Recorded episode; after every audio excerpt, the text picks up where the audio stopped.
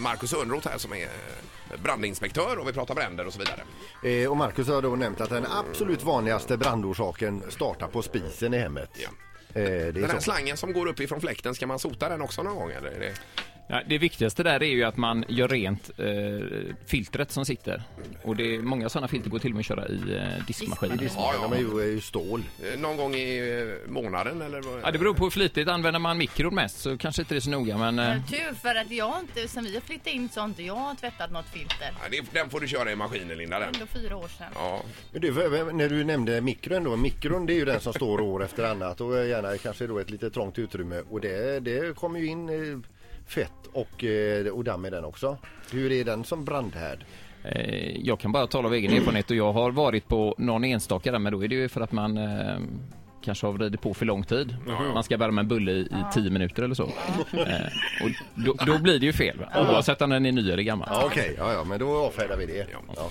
Eh, Och sen har vi detta med stearinljus som brinner nu i dessa tider överallt. Ja, det är ju jättemysigt men Alltså det, det är ju så här, det är bara mysigt om man kan se det.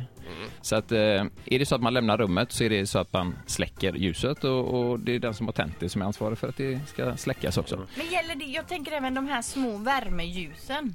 Vad kan hända med ett sådant? Ja, det kan man ju känna att, att det är tryggt och det är klart att de välter ju inte men det är faktiskt så att det här lilla veken kan åka åt sidan kanske eh, när det blir varmt riktigt långt ner och då kan eh, värmen komma eh, in till glaset så att glaset spricker och det finns faktiskt exempel på när steariner har eh, runnit ut, alltså det har vält och runnit ut och faktiskt tagit eld på bordet så att Jaha, istället för att gissa om det funkar bra eller ej Ja. så är det en väldigt bra regel att släcka när man lämnar rummet. Så är alla lägen. Sen, Ja. sen är ju det här, det här fina djungeln som vi har eh, runt eh, ljusen. Den brinner också bra. Ljung eller mossa eller något annat mysigt. Ja, ja, mossa Ja, kanske det. Har du ljung i? Nej, nej, Jag tyckte han sa djungel, Ja, men det- så jag fattar Nej, inte. men det här klipper vi bort i reprisen. Som jag aldrig har sagt ljung. Men det kanske är unikt för Kungälv, man kör ljung och eldar på. Tyst lite. Det här mossan som man kan ha eh, så fint och dekorativt runt ljuset. Den brinner bra. Den brinner ju jättebra och därför så finns det mycket sån mossa som är behandlad. Mm. Eh, sen är det ju inte räddningstjänsten som behandlar den så vi kan ju inte riktigt gå i god för att det funkar. Men Nej. eh, man får väl kolla där man köper. Eh, Just det. det sista vi ska fråga, vad har hänt hittills i år i eh, julväg eller i julbrandsväg här Marcus? Ja, vi ju lite statistik och, och det är glädjande att se att det blir färre och färre ljusbränder för varje år. Ja. Det kan gå lite upp och lite ner men trenden är neråt. Men hittills i år, inte en ljusrelaterad brand hittills i december. Oj, oj, oj. Yes. Är det din förtjänst Marcus? Ja, jag tror det är kanske er förtjänst också som eh, går ut med budskapet. Va? Att ni ska tänka oss för. Ja, Eh, Ja, men det är viktiga saker.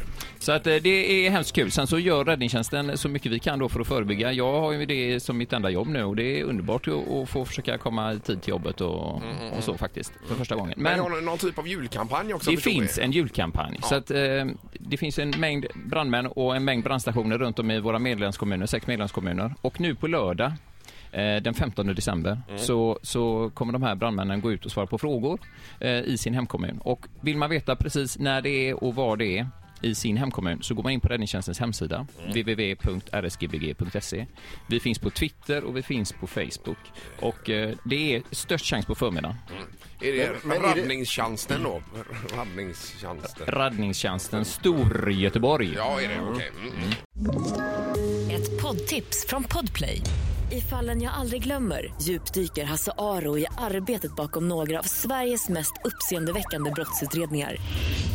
Går vi in med hemlig telefonavlyssning och, och då upplever vi att vi får en total förändring av hans beteende. Vad är det som händer nu? Vem är det som läcker?